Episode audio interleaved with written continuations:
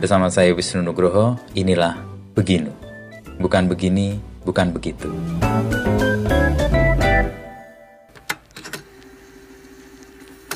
Selamat datang di Begino Wrap Up episode. Babak ini dibuat untuk merangkum kisah perjalanan Wisnu Nugroho bersama beragam narasumber untuk kilas balik bersama. Pengen gak sih nambah wawasan yang enggak diajarin di sekolah? Seperti logika dasar, critical thinking, public speaking, atau bahkan NFT? Kuy, dengerin podcast obsesif yang akan membahas seputar pengembangan diri dan soft skills khusus buat kamu. Persembahan Media Podcast Network by KG Media, hanya di Spotify. Kali ini kita akan membahas tentang kisah menyeduh kopi dan menyuguhkan ruang publik. Pertama, kita berangkat dari kisah Pepeng, pemilik klinik kopi di Yogyakarta.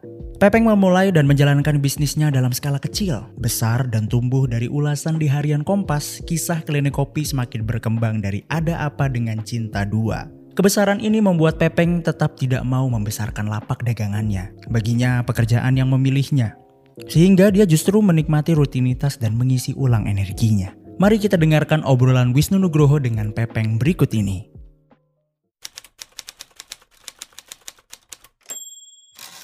Dan nggak membuat orang lain Nah terlibat. itu aku juga heran tuh. Kenapa aku juga heran nih. Kenapa Kok nggak lelah ya? Iya. Karena mungkin karena basicnya dari pertama udah udah seneng. Oke. Terus kedua ini udah bukan lagi seng seng aku butuh banget gitu enggak itu Hmm. biasa aja. Mhm. Sebisa mungkin jangan terlalu berharap banget terhadap eh, apa pun gitu loh. Mhm. Ketika itu berharap banget, ketika nggak kesampaian pasti kecewa. Nah itu nah aku sebisa mungkin ya biasa wae, nating Mhm. tulus wae sing. Mhm. Ya bikin-bikin kopi ya berkarya berkarya Mhm. aja gitu. Sing nggak usah sing macem-macem. Harus senang dulu. Energinya dari seneng itu itu nggak akan Kelelahan kayak tadi nggak ada. Hmm. Valentino Rossi itu dari dari dari rute-rute dari mana-mana kenapa dia nggak bosan bahkan jatuh patah segala macam apa yang membuat aku sampai kenapa mereka akhirnya Bertahan, dan tani tekun. lagi itu Mike Tyson kenapa akhirnya mau tani lagi karena sebetulnya itu udah jadi panggilan hidupnya dia nah Hmm. aku mau aku aku belajar dari itu kayak aku belajar dari hal-hal itu karena ternyata harusnya kita bisa seperti mereka gitu Hmm. Mhm. nggak harus seperti mereka tapi energinya bisa sama Mhm. seng kita mengerjakan ini tuh nggak ada tekanan seng seng santai jadi hasil karya ini juga nggak seng Ngoyo banget. seng ngoyo itu loh ya ngoyo nah bener mas Wisu Nggak ngoyo. Ngoyo Tapi itu. kan ini beresiko mas, bisnisnya nggak akan membesar. Atau emang didesain menjadi bisnis pilihan. itu pilihan nah Apa yang dipilih mas? bisnis ini nggak bakal besar Dan memang nggak didesain menjadi besar. nggak bakal besar aku udah yakin bisnis itu nggak bakal besar cuman ini mencukupi pola orang di Indonesia di kolong langit Indonesia itu rata-rata ketika bikin bisnis gini rame terus ayo diadopsi energinya nggak ada Hmm. energinya jadi kepecah-pecah itu Mhm.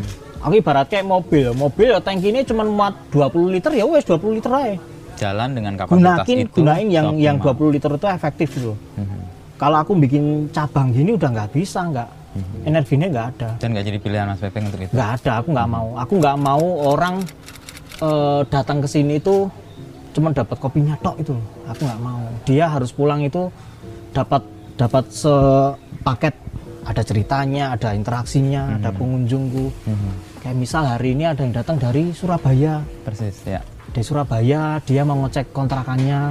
Terus dia mm, tahun depan akan pindah ke sini. itu aku oh aku lupa ya oh loh, ternyata dia pernah ke sini ya wah aku jadi bak oh nah memori-memori itu yang akhirnya yang membuat aku menjadi istilah menolak tua itu Hmm, karena ketemu orang baru ya. terus ya Itu kan bagian dari customer relationship ya, menjaga hubungan baik dengan si pelanggan itu dengan cara apa mas? Pepeng punya koneksi yang demikian intens dan intim kan tadi Intim, kalau iya, ngobrol. itu. itu gimana? Ingatannya kan berarti harus tajam banget ketemu orang. Wah dulu di sini nih. nih. dari kopi Oh dari kopi. dari kopi aku tanya misal kayak tadi tuh aku lupa Mhm. bapaknya tadi ternyata pernah ke sini dan dia punya alat alat kopinya dia dia udah hafal mas aku kemarin ngopi Pak Jarwo oh ya hafal terus Malino udah hafal oke singkirkan itu berarti kamu peminum kopi sing aku periode bulan ini kopinya ini Oke. kamu harus nyoba Yellow Katura Hmm. kopi ini baru bener dia datang ke sini langsung Nyoba yellow katura. mas yellow katuranya mas loh Langsung tahu ya langsung langsung yang tahu dulu gitu. langsung relate karena Hmm. aku dalam periode satu tahun kopiku cuma itu mas aku cuma ada sembilan Hmm. jadi kalau ada kopi satu ya paling itu reguler gitu Ya. dari ke sembilan kopi itu udah udah reguler dan misal kayak Pak Jarwo Malino terus eh, Senggani Bu Murti itu udah reguler Hmm. jadi kalau orang datang pasti minum itu pasti akan bosen gitu Hmm. makanya terus aku ada satu kopi reguler yang mereka nggak bosen gitu Mhm. mereka akan datang kembali lagi dari satu kopi baru itu dia akan mencoba lagi wah kemarin aku nyoba kopi Pak Jarwo di rumahku kok rasanya kayak gini-gini nah obrolan itu Muncul. muncul lagi Keluar lagi. Mas, kamu grindernya pakai apa? Kayak kayak gini gini gini. Hmm. Itu yang aku aku kangen dari sebuah warung kopi itu loh. Mhm. Harusnya bukan harusnya sih. Harusnya kayak gitu. Mimpinya kayak Dan gitu. ini sebenarnya mewujud kan, bahwa orang Iya. datang mendapat full package tadi, Iya. cerita, nggak hanya dapat kopinya, value yang ditawarkan Iya. oleh Mas Pepeng dengan cerita para petani di oh, kopi itu. itu. Makanya terus ketika pulang itu nggak cuma dapat eh, memorinya nggak cuma dapat rasa tapi dapat oh kayak gini yo gitu. Aku ada pengunjung salah satu pengunjungku nak- Pak Dokter Sopo dari Surabaya. Mhm. karena dia ngefans sama kopi padusi dia terbang dari dari Surabaya ke Solo mas aku udah sampai eh, Padang aku bisa minta nomor teleponnya petaninya oh boleh tak kasih dia datang ke sana ke sana te- terus foto selfie wah, tahu wah beneran. segitunya yo segitunya segitunya orang terhadap eh, cerita nih bahwa Mhm. yang aku bikin itu bukan narasi yang dibuat-buat emang real ini ini nyata itu loh. Mhm. Nah, di kopi adalah kalau aku lebih mentransfer apa yang ada di di desa, apa yang terjadi di di kebun ke ke pengunjung gitu. loh. Mhm. Aku nggak bisa mendirect. Ini rasanya nanti kayak jahe ini nggak bisa gitu. Ada orang Inggris datang ke sini ngicipin kopi buta batak. Dia bilang ini kayak marijuana. Lah aku nggak tahu marijuana. aku belum tahu marijuana ya. Eh, referensi orang beda-beda, Iya, iya, Mas iya. Wisnu. Jadi aku nggak bisa mendirect nanti rasanya kayak gini, kayak gini nggak bisa. Aku yang aku yang bisa direct cuman kopi ini dari, Dari ini mana? ceritanya gini, ya rasa kamu yang menentukan sendiri, Mhm. gitu. Aku cuman ini rasanya kayak gini, basicnya kayak gini. Nek misal kamu ganti air nanti akan rasanya beda. Mhm. Nah itu makanya orang-orang akan datang lagi kenapa? Karena kita sama-sama belajar itu loh. Mhm. Aku aku dengan airnya yang mereknya ini mereka coba pakai misal merek lain ini, pas kok Beda. beda ya gitu. Mhm. Ya nggak apa-apa. Mhm. Kopi nggak harus sama kok. Ketika aku bikin karya dan karya eh, kopi itu karya ya Bro.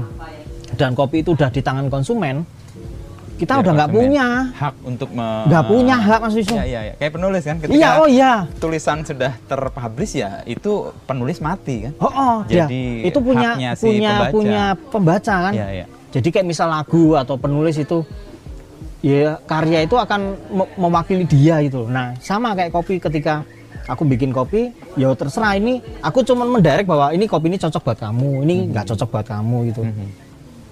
Dari dulu sampai sekarang aku nggak pernah hard selling sing jual gini. Mhm. Di Instagramku tuh nggak ada sing harganya ini segini nggak ada. Aku lebih ke sharing sharing sharing sharing selling satu Habis sharing lagi. sharing lagi gitu malu ya kalau jualan malu ya kadang itu nggak ini ya aku tuh nggak nggak pinter berjualan sing weh nanti rasanya kayak gini mempengaruhi aku cukup aku cukup menceritakan Pengalaman, eh, pengalaman based itu on experience, itu terus nanti akan terkoneksi sendiri nah itu Hmm, menemukan si iya penikmatnya sendiri. penikmat sendiri jadi tugasku itu cuman mengantarkan cerita yang dari di kebun sampai ke roasting ya udah eh, rasa itu tergantung peminumnya atau Wisnu. Mhm. Gitu. Karena dia punya referensi rasa sendiri-sendiri yang nggak bisa kita nah paksakan itu. juga.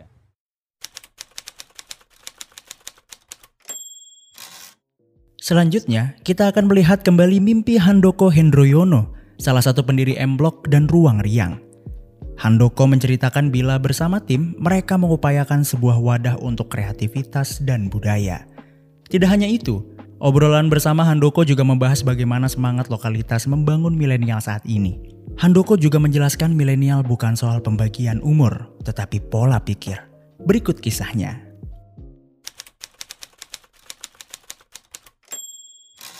Dalam posisi di mana Mas eh, Handoko dan teman-teman merespon itu, lalu diposisikan dengan tujuan itu ketemunya gimana Mas? Kadang-kadang kan kita terjebak untuk ngikutin audiensnya mau apa nih, konsumennya mau apa. Sementara tujuan awal yang mau di set eh, bisa jadi meleset atau memang tujuan awal ya kita ngikutin konsumen itu. Eh, tujuan awalnya tentu ada. Eh, kita kita purpose base ya. Eh, Oke. Jadi basis purpose-nya cukup kuat. Kalau bisa disimpulkan M Block ini atau katakanlah uh, company yang kita bentuk namanya Ruang Riang itu kan bergerak di dua culture ya sebenarnya. Culture uh, kreatif, uh, sorry, uh, di, di secara besar tuh kita bergerak di dua, uh, kreatif dan culture. Kreatif dan itu, itu culture. kreatif dan culture. Jadi itu yang sebenarnya yang kita geluti. Jadi uh, tentunya balik lagi pegangannya itu. Gitu. Jadi- Sejauh ada di ruang itu, Yes, ruang itu itu- responnya boleh dijalankan. Iya betul. Dan ruang itu kita sebut sebagai conversation kan. Conversation kita itu yang mengikat kita dengan publik adalah culture dan kreatif gitu. Which is itu yang kita apa ya anggap uh, penting bagi masyarakat gitu Oke. saat ini adalah culture dan kreatif. gitu. Oke. Dengan orang-orang yang terlibat tadi yang menyebut. Tapi kalau kita ngomong tadi soal sustainability, sebenarnya partisipator itu kan upaya untuk menjaga itu tetap lestari kan. Ada- Bagaimana betul. masyarakat memiliki eh, lalu merawat itu juga bahkan mengembangkan kan arah itu. Ada dua sebenarnya yang saya anggap selain itu adalah saya karena saya backgroundnya dari branding.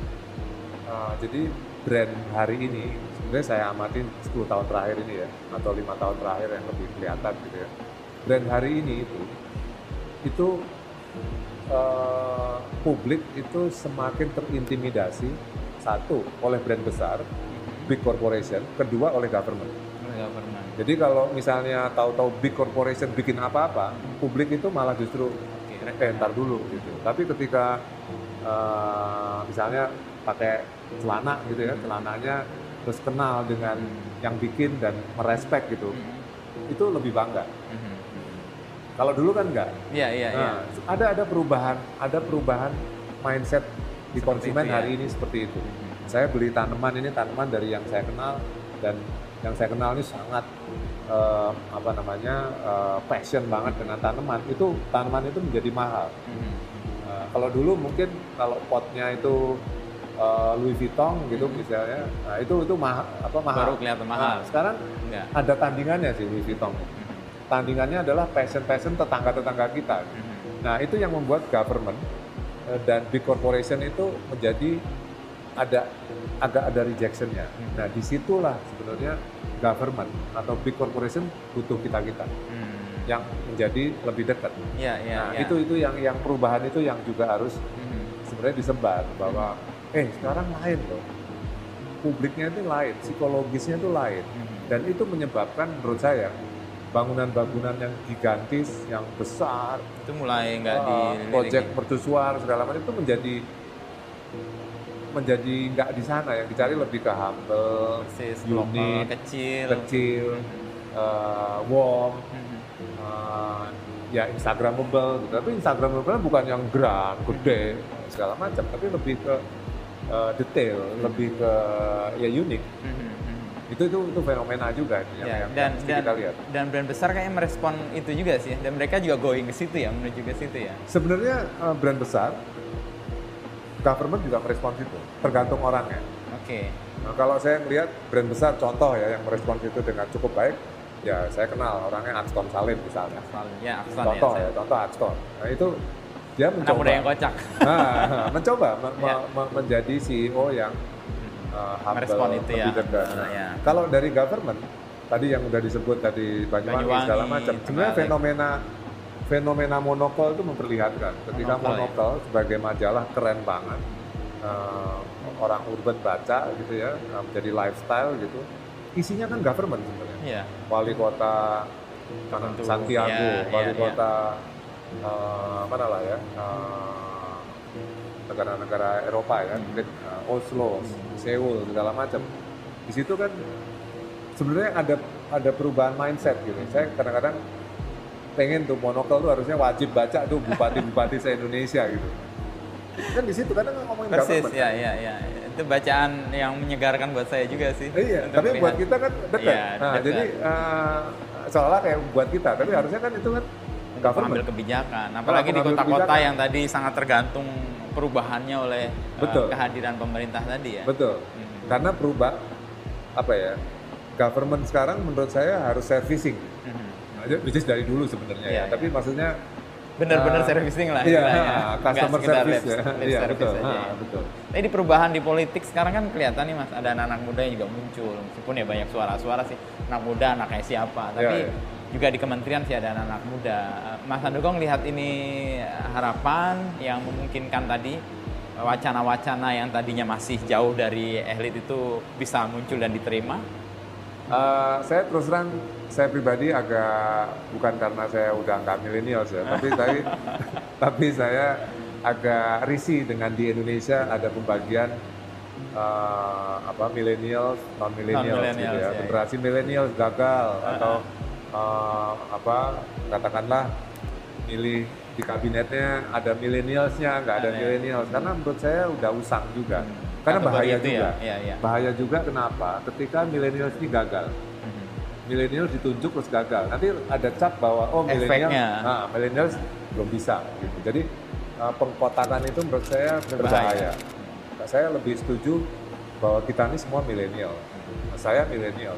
Milenial saya berarti spirit. iya spirit. Mhm. Uh, sp- spirit milenial lebih penting dibandingin pembagian umur. Usia. Uh, karena kita wajib jadi milenial menurut saya. Kalau enggak kita habis. Apa karakter milenial yang Mas Handoko bayangkan yang harus dimiliki oleh siapa? Karakter millennials uh, menurut saya ya percaya diri, uh, locality, uh, responsible, uh, apa namanya? Millennials itu jangan ditempel sebagai tren, Umur, ya, ya, tren. sebagai apa namanya hipster, uh, tren, ses- kayak gitu-gitu yang kekinian gitu. Millennials itu mindset ya. Millennials ya artinya ya ya energi terbarukan, pro terhadap lingkungan, Sustainability. uh, uh, terhadap uh, kerusakan iklim, uh, peduli dengan itu, itu that's millennial menurut saya. Dan bukan karena saya udah nggak millen- dari segi umur kayaknya udah nggak di situ, uh, tapi menurut saya millennials about mindset Aha, aha. Uh, dan dan itu penting banget. Ya, it- itu ter- tergambar sih ke- keresahan Mas Andoko itu ketika ada persoalan di staf khusus presiden yang milenial ada persoalan betul. itu langsung kata kunci yang dicari di Google soal milenial dan milenial eh, kasus-kasus gitu ya jelek-jeleknya Oh gitu. Iya. Dia Google uh, query-nya itu akan muncul itu.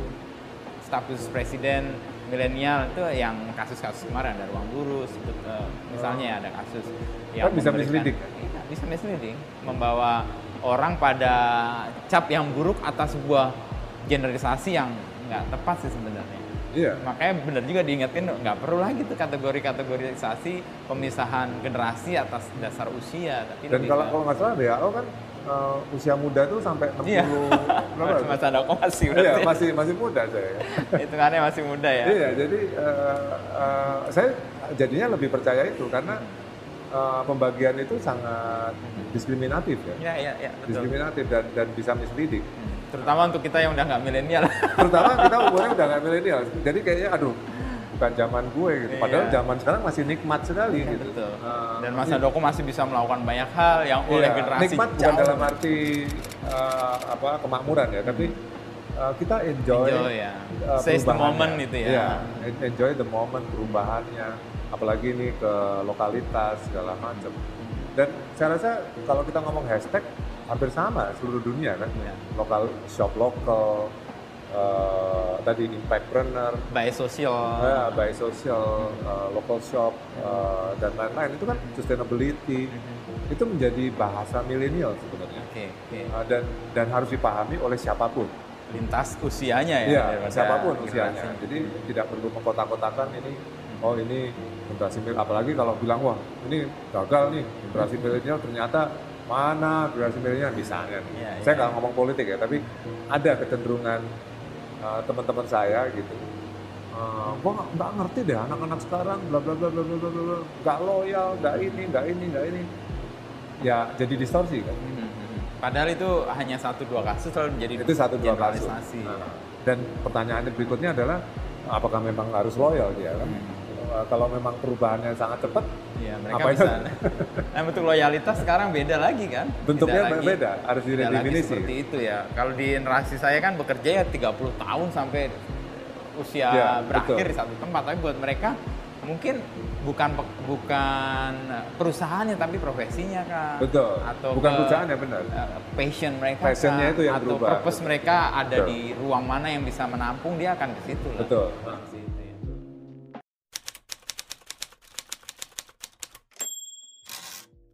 Menyambung kisah Handoko, Faisal Rohmat menemukan strategi baru untuk mempromosikan produknya. Faisal membawa Pos Indonesia untuk memiliki ikon, Pos Blok.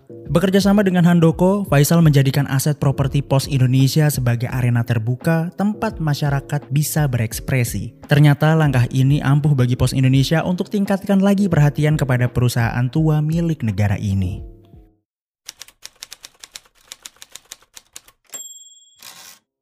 Ah ini post blog ini kita ngomong nih sekarang Ya, pas di ya, sini ini ya, keren ya, banget ya. nih. 10 Oktober lalu pembukaan dan jadi sesuatu yang dipercakapkan lah. Biasanya kan Jakarta Selatan, ini utara nih. Utara ya. ini atau umum. bagian yang tangible tadi, yang kelihatan dan kayak quick win untuk orang merasa, oh ada wujudnya nih. Ada yang bisa kita upayakan untuk menjadi perubahan. Gimana Mas? Memang benar ya. Jadi kan sejak awal saya bilang tadi ya, perubahan-perubahan yang kita lakukan sebetulnya intinya mengambil market yang selama ini diambil orang. Which Mengambil itu market yang selama ini diambil ya, orang. millennials, ya, Ah, anak si- muda. Mana tahu pos, sekarang. Ya, mana tahu pos. Pos Ya, itu ya. hanya dikenal oleh generasi saya. Saya juga. Sisanya anak saya udah nggak tahu pos itu Persis, apa. Pak. ya. Padahal ini segmen yang luar biasa potensinya dan sekarang sudah diambil oleh orang lain. Hmm. Gitu. Jadi kita Biasanya ya, servicesnya ya. Saya kasih dari empat portofolio pos kan, courier service, logistik service, financial service, property service. Contoh courier service. Courier, ya. Market share kita hanya 4 persen Pak. Wow, padahal dulu hampir 100 persen. 96 persen diambil orang lain. Bagaimana bisa? Karena apa? Behavior masyarakat, lifestyle berubah. Go digital semua kan. Touchless semua. Apa distancing semua Ya, ya. diambil orang lain. Nah, untuk ngambil market itu, kenapa? Kalau kita nggak ngambil market itu, nggak akan jadi juara. Market share kita nggak akan dominan. Ya, Kan gitu. ya, ya, ya.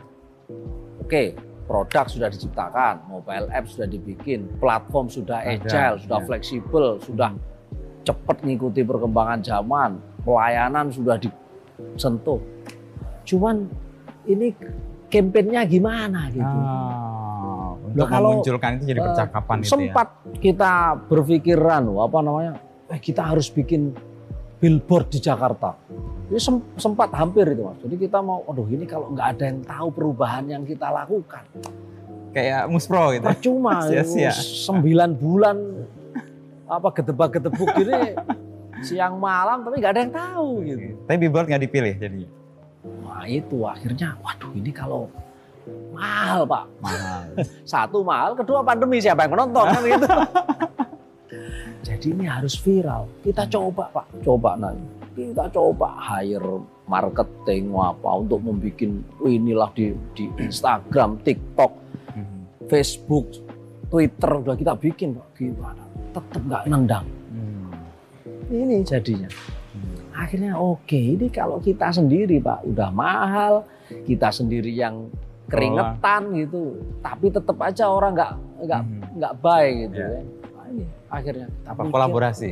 Ya sudah, saya akhirnya saya M Block itu. Oke. Terus terang aja. Handoko ya Mas Yako. Mas Handoko, wah ini kayaknya M Block cocok pas ngobrol sama Handoko. Hanya sekali presentasi Handoko ke saya. Hmm. Ide awalnya gimana tuh? Dari Mas Faisal? Atau... Ya, idenya tadi saya prihatin sekali. Sorry itu sih ya. Mhm. Aset kita ini tiap tahun naik terus pajaknya PBB-nya. Asetnya. Kebayang nggak 3.700 3 juta meter persegi tanah, Wow. 750 ribu meter persegi building seluruh Indonesia. PBB-nya tiap tahun naik terus. Sementara most of it hanya dipakai untuk kantor pos Hmm. yang produktivitasnya sudah rendah. Yang tadi market share kurir cuma 4%. Exactly. Ya sudah. Wah ini kalau nggak melakukan sesuatu, nggak leverage aset Collapse. ini mati kita. Hmm. Itu bulan apa tuh muncul ide itu Mas? Ya sebetulnya sudah sejak awal, cuma nggak ketemu. Oh, oh, oke. nggak ketemu, nggak ketemu apa, bagaimana leverage. Udah ditawarin, udah kafe sudah ada, hotel sudah ada, Tapi kok nggak pas gitu ya? Tuh nggak? Eh, tetap aja nggak nendang gitu, Hmm. nggak nendang, nggak nendang. Wah itu akhirnya itu kepikiran itu kayaknya nyontoh emblok emblok cuman gudang sama rumah dinas saja Oh, bisa iya. Padahal ini kan ini oh, benar-benar glory kan kan? Iya, gedung bersejarah, glory, ada orang pahlawan revolusi dan sebagainya. Udah. Akhirnya saya ngobrol dengan timnya Mas Handoko. Oke, saya siapkan presentasi, Pak. Sekali aja presentasi dia, saya lupa. Bulan bulan Februari atau Maret tahun 2021. Tahun ini? Iya. Oke, oke. Wah, cepet juga ya. Oh iya, Februari Maret tahun ini dia presentasi sekali aja. Oke, jalan. Hmm. Skemanya begini begini begini setuju saya Oke. jalan udah langsung mereka bergerak kemudian bulan Mei ya kalau nggak salah Mei keluarlah izin IMB Untuk pembangunan ya Juni start ulang. construction Hmm. karena kita ngejar sebetulnya hari ulang tahun pos 26 Agustus Oke. nggak bisa Nggak kejar. nggak kejar 27 September hari bakti postel oke sebetulnya sudah oke Tapi nggak kejar juga. bukan Pak Eriknya nggak bisa Oh. tapi jadi tetap aja kita soft launch ya. Oke ya. diam-diam kita kick off lah soft, soft launch buka aja dulu Hmm. sambil dapat feedback dari customer baru kemarin Tanggal 10 itu ya. Nah ternyata ini efektif ini. Oh, jauh lebih efektif dari billboard tadi. Karena yang memviralkan bukan kita, Iya. yang memviralkan Netizen. orang lain netizen. Bahkan jauh lebih efektif dari channel kita sendiri, dari Instagram post apa yang Ya. kita punya banyak channel post sendiri gitu di Hmm. sosial media. Kalah pak sama orang lain yang memposting yang foto-foto Ya, nanti nanti kita posting. ketemu pagi-pagi orang udah pada ke sini ya. Jadi ini kan enak, Ya. gratis ya, viral gratis. Iya, iya, iya. Makanya terus kayaknya ini ampuh ini. dikenal anak muda ingat lagi pos. Nah, harapannya sih kemudian menggunakan jasa pos. Ya. Sebetulnya Oh, jadi dalam lingkup besarnya M uh, Post Blok ini akan jadi tempat di mana orang mengingat lagi Yes. dan melihat lagi jasa dan layanan services. sebetulnya keinginan kita itu ya yang eh, impactnya harus ke produk dong mas. Ini kan kayak apa ya kayak ya kayak billboard lah ganti Oke. billboardnya Oh. ini post blok Etalasenya ini etalasenya gitu. Tapi soal harapannya Nah, orang jadi tahu pos mahal loh. Saya campaign postpay, campaign pos aja kan mahal tuh biaya marketingnya. Emangnya ada yang gratis? Gak ada yang gratis. Even memviralkan di media sosial, bikin Iya, ini, iya, bikin itu, bikin gimmick, Ya. bikin diskon, bikin kan mahal pak. Hmm. Biaya marketingnya mahal. Ya.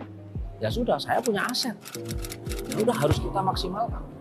Makanya Postblok akan kita bikin di Medan, Medan. Medan, Bandung, Surabaya. Ini tak tahun 2022 ya nambah tiga lagi. Oke. Kita nggak tahu lagi what next. Tapi but at least itu. Tapi ya Tiga. ini hanya salah satu contoh aja Postblok.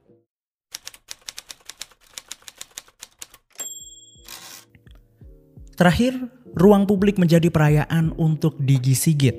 Seniman ini memaknai ruang publik sebagai kanvasnya, dan dia bertanggung jawab untuk itu. Digi Sigit selalu meninggalkan tanda sebagai bukti hormatnya kepada sesama pengguna ruang publik, sehingga karyanya ini bisa dikenal dan diklarifikasi. Berikut kisahnya.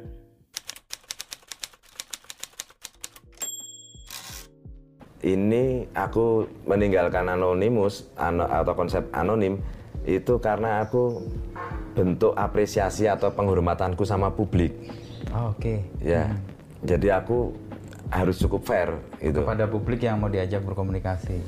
Karena aku menempatkan karyaku di ruang mereka mas. Di ruang kita ruang publik. Jadi penghormatanku terhadap publik aku menyertakan identitasku gitu. Itu bagian respekku gitu. Aku kok kayak nggak respect ya kalau terus aku nemplek karya di ruang bersama lalu aku nggak meninggalkan identitas yang memungkinkan untuk orang ngelakuin klarifikasi atau minta klarifikasi aku atau ya jadi ya itu kenapa terus sejak 2012 aku pakai inisial DS itu mas terus ada dua angka di belakangnya itu angka tahun Oh, Oke. Ya. DS12, DS13 gitu Iya, ya. Ah.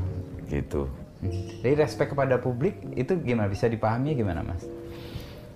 Itu Iya. kan ruang publik, Iya. ruang yang dikonsumsi oleh publik. Iya. Lalu Mas Sigit naruh karya di situ ada Iya. inisial. Nah, Iya. respectnya di mana? Eh, artinya aku meninggalkan jejak mas. Artinya aku cuk ya apa eh, harapanku publik bisa membaca bahwa oh ini karyanya si ini gitu.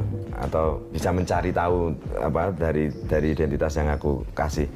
Nah ben- apa i- karena tadi ruangnya itu ruang bersama lalu aku ingin membangun apa ya eh, suasana yang lebih fair gitu. Artinya even aku tuh di sana tapi ya nggak boleh ngomong gitu. Artinya gini yang aku pasangin karya itu kebanyakan objek-objek yang ngapa rusak. Oh, yang nggak terawat. ya. Coret-coret atau ada gambar yang seksis ada tulisan yang apa violent gitu. Atau yang tulisan seksis juga lalu ya yang ku, yang chaos yang yang kumuh. Jadi aku nggak juga apa tapi kayak ya itu benerin lah gitu aku benerin ruang publik pakai karyaku dengan itu pun aku nggak ngerasa fair juga kalau aku nggak naruh identitasku mas Sebagai bentuk pertanggungjawaban juga ya. Iya, bentuk pertanggungjawabanku juga. Lalu apa rasa hormatku sama publik gitu. Harapanku value-nya akan diterima bareng, lalu kita bareng-bareng ngasih value yang bagus ke ruang publik kita, gitu. Karena juga jangan-jangan nggak cuma pemerintah, tapi ya kebanyakan mungkin dari kita terlalu cuek, gitu. Padahal ruang publik itu representasi hidup kita hari ini, Iya, iya. gitu. Kalau kita mau lihat Indonesia kayak apa ya lihat di jalan sana itu. Bagaimana situasi Indonesia ya ada di Chaos, jalan itu. ya, kumuh, nggak apa kotor gitu. Nah aku juga nggak mau itu apa misalnya karyaku juga dianggap gini mas, wah art atau resik gitu. Aku juga nggak juga nggak ada juga yang menentukan kalau street art harus kotor gitu. Terus buatku sendiri buka apa memasang karya di ruang publik bukan menambah kekreditan publik. Itu jangan malah justru seperti itu. Kalau hanya menambah kekreditan yang ada di ruang publik ya Nggak memberi apa pun. iya gitu. Terus banyak juga pertanyaan gini mas dapat duitnya dari mana gitu kan Iya itu. iya nah ini satu, satu hal lagi disiplin ilmu apa pun kalau ditekuni alam semesta pasti Mendukung akan ya memberikan akan ngasih ngasih rezeki. support ngasih rezeki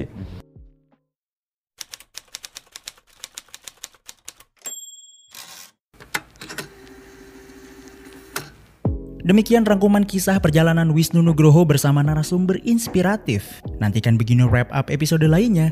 Terima kasih sudah mendengarkan.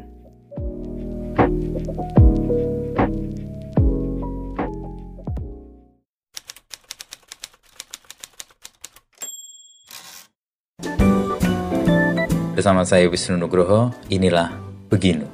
Bukan begini, bukan begitu.